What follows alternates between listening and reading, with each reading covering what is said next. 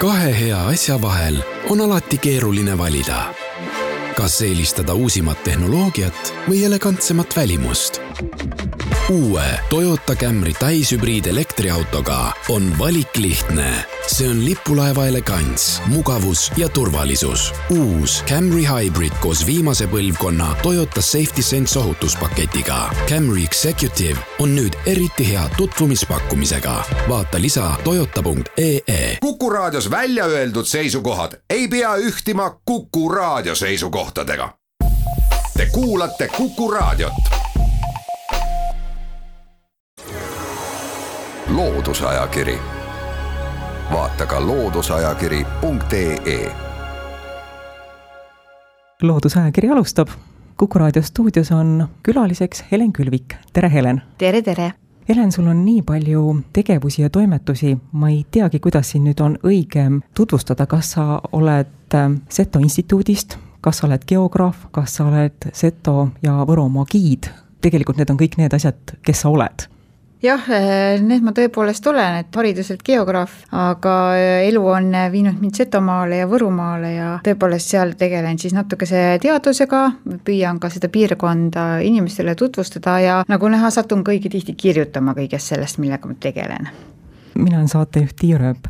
me hakkame rääkima metsamatkarajast. metsamatkarada on riikidevaheline kaugmatkarada, mis läbib kolme Balti riiki ning ta on osa Euroopa matkarajast E üksteist, mis saab alguse Haagist, Hollandist ja lõpeb Tallinnas. Helen, kas sa tead, kas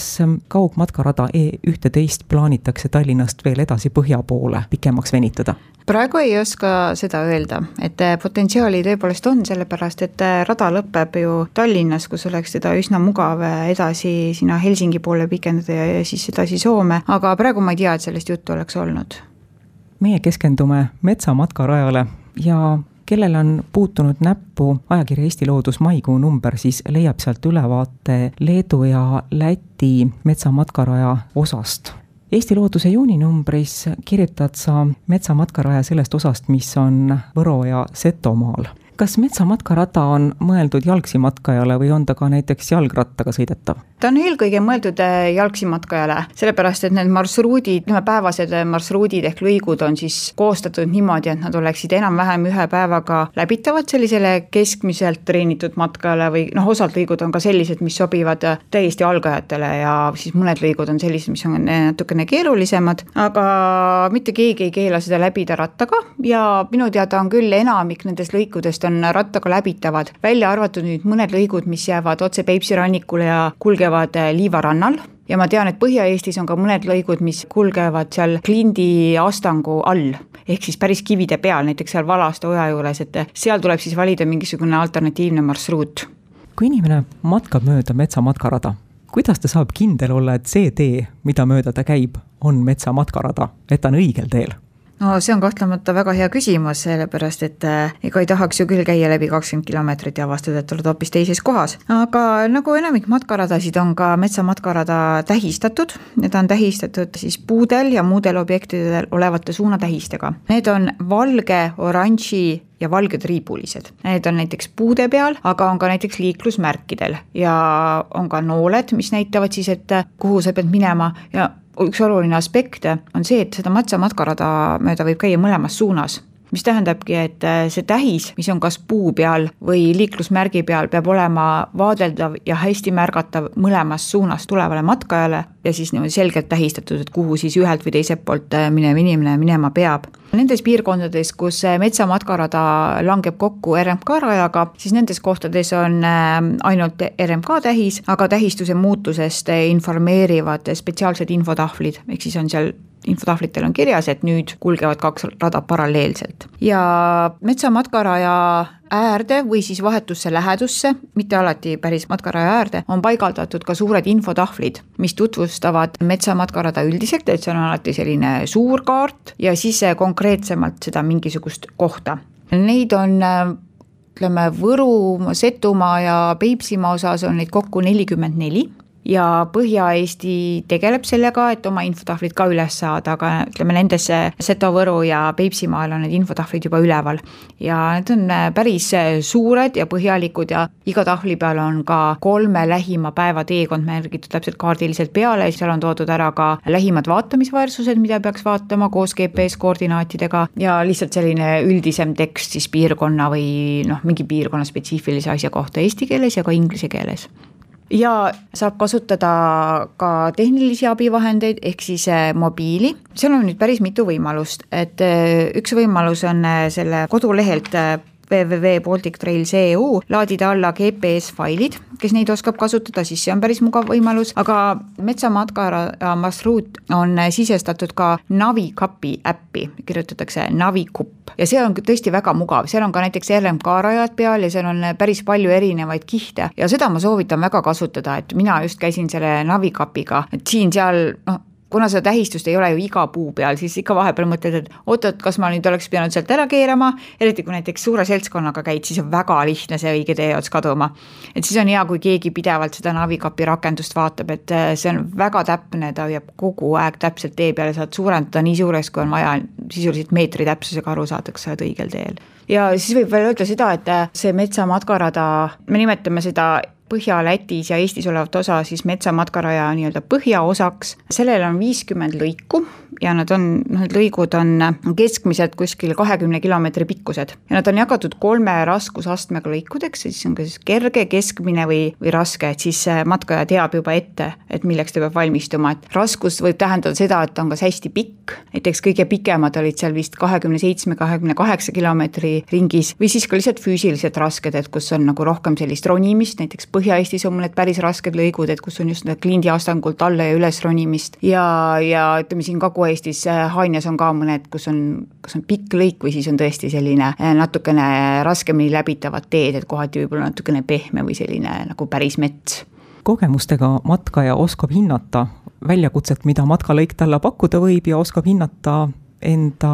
võimeid, algaja matkaja, kuidas tema peaks planeerima oma päevateekonna? algajale matkajale tegelikult sobibki kõige paremini see, et äh, see metsamatkarada on jagatud lõikudeks ja ega see, et ta lõikudeks on jagatud, ei tähenda seda, et peab käima tingimata ühe lõigu algusest teiseni, vaid see on lihtsalt mingisugune viis, kuidas seda rada liigendada. aga tegelikult võib ju vabalt alustada nii-öelda ühe lõigu keskelt ja, ja võtta siis järgmine ette aga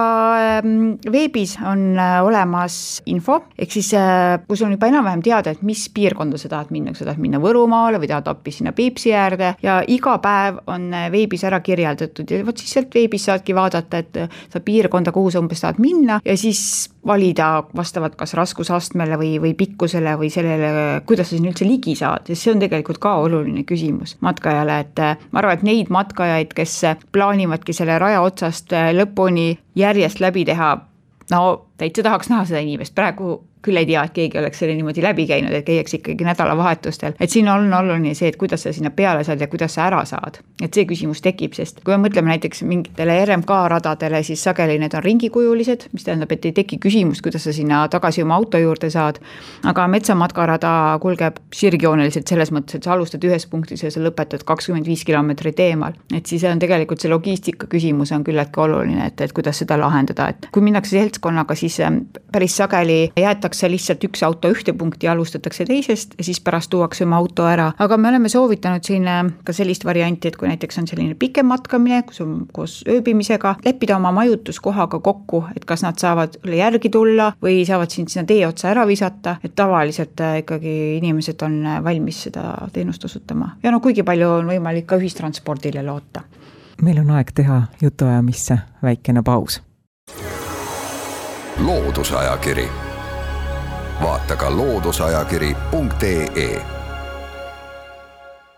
loodusajakiri on pausilt tagasi, Kuku raadio stuudios on Helen Külvik Seto instituudist, setopäraselt Külviku Helen ja saatejuht Tiia Rööp. me räägime metsamatkarajast, mis lookleb läbi kolme Balti riigi ja mille Seto ja Võromaa osast annab ülevaate saatekülalise artikkel ajakirja Eesti Loodus juuninumbris piusakoopad ja Suur Munamägi on sellised maamärgid, mida kui inimene ei ole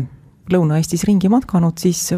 võib tekkida tal kihk neid kindlasti vaatama minna ja võib-olla jäetakse mõni koht käimata, mida lihtsalt ei teata ja tunta. kas sinu kui giidi kogemus lubab soovitada mõnda väikest kohta, mis võib-olla jääks tähelepanuta, võib-olla jääks matkajal läbi käimata, sest ta lihtsalt ei tea, et see on üks väga äraütlemata ilus koht? Ma arvan, et minu lemmiklõik sellel Võru ja Setomaa alal on see, mis kulgeb üle Mustoja mõhnastiku. Mustoja mõhnastik on siis Kagu-Eesti kõige suurem ja reljeefsem mõhnastik ja ta jääb Koidula piiripunkti ja Värska vahele ja vot see on selline koht küll, kuhu ikkagi peab minema täiesti teadlikult. ta on hästi Vene piiri ääres see on see kurikuulus Saatse saabas on seal üsna lähedal, aga ta on tõesti selline puutumatu asustusega lõik, mis täielikult õigustab selle metsamatkarada nime. paljudes lõikudes on eh, metsamatkarada siiski nagu tugevalt seotud ka asustusega, aga vot seal Mustoja mõhnastikul, on küll niimoodi, et see on täiesti mets ja see on väga erinevad eh, maastikutüübid on seal esindatud, et seal on väikseid mägesid, seal on järvekesi, soolappe, imeilusaid nõmmesid, mis on noh, superilusad on nad just augustis, kui näiteks kanarõpik õitseb, aga ka praegu just hiljuti käisin seal mm, ja oli ka kevadel väga-väga ilus oli seal matkata, lihtsalt see, kuidagi need kuivad kanarpiku nõmmed tekitavad inimeses mingi sellise turvalise tunde ja sellise helge tunde, et see, see on kindlasti selline lõik, mida ma väga soovitan. ja minu arust on äh, väga ilus ka matkata Värskast äh, põhja poole, et seal samamoodi Värska lahe kaldal kulgeb see teekond hästi ilusates männimetsades, sellised liivased männimetsad ja noh, suvel on seal siis mustikad, äh, pohlad, muidugi seened, et on väga ilusad kohad ja ka Piusa jõe ürgorg, et noh, Piusa koopaid sai juba mainitud, koobastest ta läheb mööda, aga Piusa jõe ürgorg on ju samuti maastikukaitseala ja seal kulgeb üks RMK rada, aga vot see metsamatkarada kulgeb ka Piusa jõe ürgorus ja muuhulgas läheb mööda siis Eesti kõige kõrgemast liivakivi paljandist, milleks on Piusa mäemine müür. sageli tuleb inimestele üllatusena, et taevaskoda ei olegi Eesti kõige kõrgem liivakivi paljand, vaid see on hoopis Piusa millised on sinu kogemused giidina, mis on inimesi, kes ei ole Eestist pärit, mis on olnud nende jaoks üllatav, imetlust tekitav, mida nad on esile tõstnud? ma arvan, et enamike külaliste jaoks, noh, võib-olla välja arvatud soomlaste jaoks, on hästi eriline meie sood ja rabad. Et need on ikkagi sellised maastikud, mis Euroopas on suures osas hävinud ja isegi kui on või ka näiteks Ameerikas, siis tegelikult iga inimene ei satu sinna. aga meie jaoks on äh, see hästi loomulik ja kui ma nüüd järgi mõtlen, siis tegelikult üllatab inimesi ka see, kui loomulik on äh, eestlase suhe loodusega. see, et me tegelikult käime hästi palju looduses, käime matkamas, aga ka see koriluse pool, et see kindlasti on välismaalase jaoks täielik eksootika. see, et me lähemegi metsa, et me korjame sealt marju, korjame seeni, et me hoidistame neid, teeme neist kohe, ma ei tea, kooke ja pirukaid et, et see suhe, vot, vot see on see, mis ma olen näinud, et inimesi hämmastab. ja siis kord mul oli üks eh, tore lugu, et mul olid eh, jaapanlased külas ja sattusin nendega juttu ajama ühe kuuse juures ja see oli vist mai lõpp ja kuusel olid need eh, noored võrsed. ja siis ma rääkisin nendega ja hajameelselt võtsin sealt ühe kuusevõrse ja pistsin suhu. ja need jaapanlased unustasid kohe ära, et mis, millest meil üldse juttu oli ja hakkasid hoopis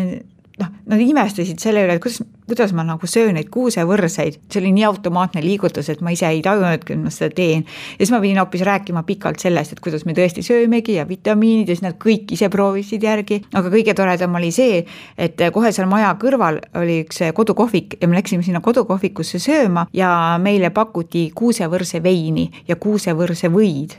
et siis oli, see oli nagu nii toredasti läks kokku selle minu automaatse liigutusega, et jah, tõepoolest me korjame seda, mida loodus meile pakub me kasutame seda oma toidulaual ja oma igapäevaelus ja ma arvan, me teeme seda hästi palju rohkem kui tsiviliseeritud maailm keskmiselt. Iga matkasõll kodust välja minnes pakib omale kaasa vajalikud asjad, võib-olla ka söögimoona, aga samas liikudes ringi piirkondades, kuhu igapäevaselt ei satu, saab minu meelest piirkonnast õige maitse kätte, kui süüa koha peal seda toitu, mida sealsed inimesed pakuvad, mida seal süüakse. kas on mõni selline koht, kuhu sa soovitad Setomaal ja Võromaal kindlasti sisse põigata? ma arvan, ma tooksin välja neli kohta, kaks neist on Võrumaal ja kaks on Setomaal. et ütleme, kui me hakkame sealt juba oleme Riiast tulnud, on ju, sealtpoolt, siis äh, koht, kuhu ei tohiks kindlasti jätta läbi astumata, on Suur Muna, mis asub äh, Suure Munamäe jalamil ja on ma arvan, Eesti kõige mõnusam ja hubasem kohvik ja seal on tõesti võrratud toidud ja see pererahvas on noh, nii südamega teeb asja, sinna võibki istuma jääda ja kui sa oled juba tükk aega matkanud ka, siis on kuidagi eriti mõnus on seal istuda ja eh, siis, kui matkarada läheb nüüd edasi sinna Misso kanti ja hakkab juba Vastseliina poole minema, siis seal on Nopri talu meierei võib-olla jällegi tuleb mõnele üllatusena, et tegelikult saab sinna ka sisse astuda. et neil on äh, tehtud külalistele välja töötatud marsruut, et isegi kui nad ei saa inimesi isiklikult vastu võtta, siis inimesed saavad ringi käia ja seal on äh, peaaegu kogu aeg on avatud talupood, nii et äh, seda väga soovitan. Ja kui nüüd liikuda Setomaale, siis hästi mugavalt jääb tee peale Obinitsa küla külas on väga tuntud söögikoht Taarka tare, kus pakutakse tõelist seto sööki ja lähedki sinna sisse, see on tehtud vanasse talutarre ja pererahvas ikka räägib, et sageli külalised ehmatavad ära, et oi, kas ma ikka olen õiges kohas ja see tundub nagu olevat kellegi kodu ja tõesti reaalselt ongi selline kodune miljöö ja hästi kodused seto toidud ja pererahvas räägib põhimõtteliselt ainult seto keeles nendega. Ja menüü on ka ainult setokeelne, et siis tegemist nagu sellise kultuurikümblusega sinna juurde. ja siis neljandaks seal Värska kandis ma soovitaksin kindlasti minna tšaimajja, mis asub äh, Värska talumuuseumi juures, võib-olla natuke on tegemist ka siis tuntud söögikohaga, aga samamoodi pakutakse äh, väga mõnusaid setotoite, ka need toidud, mis ei ole setotoidud, on menüüs ikkagi kirjas setokeelsena, nii et see on selline tore välja väljakutse kõikidele külalistele, et kas nad suudavad esiteks välja hääldada neid eh, setokeelseid toidunimesid ja teiseks, kas nad üldse saavad aru, mida nad tellivad nagu ma meie vestluse alguses ütlesin, siis maikuu Eesti loodusest saab lugeda metsamatkaraja sellest osast, mis jääb Leedumaale ja Lätimaale. Eesti Looduse juuninumbris kirjutad sina sellest osast, mis on Seto ja Võromaal. Kas tuleb järjejutt ka? jaa, oi, see on äh, terve suve läbi kestab see järjejutt ja nüüd järgmises numbris äh, ehk siis juulinumbris kutsume rändaja Peipsimaale et Peipsimaale kulgeb see metsamatkarada päris pikalt, äh, tinglikult kaheteistkümne päeva teekonna pikkuselt, mis on tõesti päris pikk võrrelduna Seto ja Võrumaaga, mis on ainult kuus päeva teekonda. ja nüüd plaanis ongi, et eraldi number räägib nendest lõikudest, mis jäävad Lahemaa rahvusparki ja kõige viimane osa sellest järjejutust käsitleb siis Põhja-Eestit üldisemalt. võib-olla on ka huvitav teada, et ka Tallinna ümbruses kulgeb see metsamatkarada päris mitme päeva ulatuses, et vast umbes kolm viimast päeva nendest viiekümnest ongi siis Tallinn ja Tallinna lähiümbrus, et ei ole sugugi niimoodi, et sealt Lahemaalt lähete otse Tallinnasse, vaid ikka käib läbi peaaegu kõik need poolsaared, mis seal on, Pärispea ja Viimsi ja nagu igal pool mööda seda rannikuala tiirutab seal, nii et tõesti, põhimõte on see, et otse ei ole mõtet minna. tänaseks Loodusajakiri lõpetab saatejuht Tiia Rööp tänab külalist, aitäh, Helen Külvik jutuajamise eest, aitäh külla tulemast! aitäh kõigile, kes kuulasid jälle kuulmiseni. loodusajakiri, vaata ka looduseajakiri.ee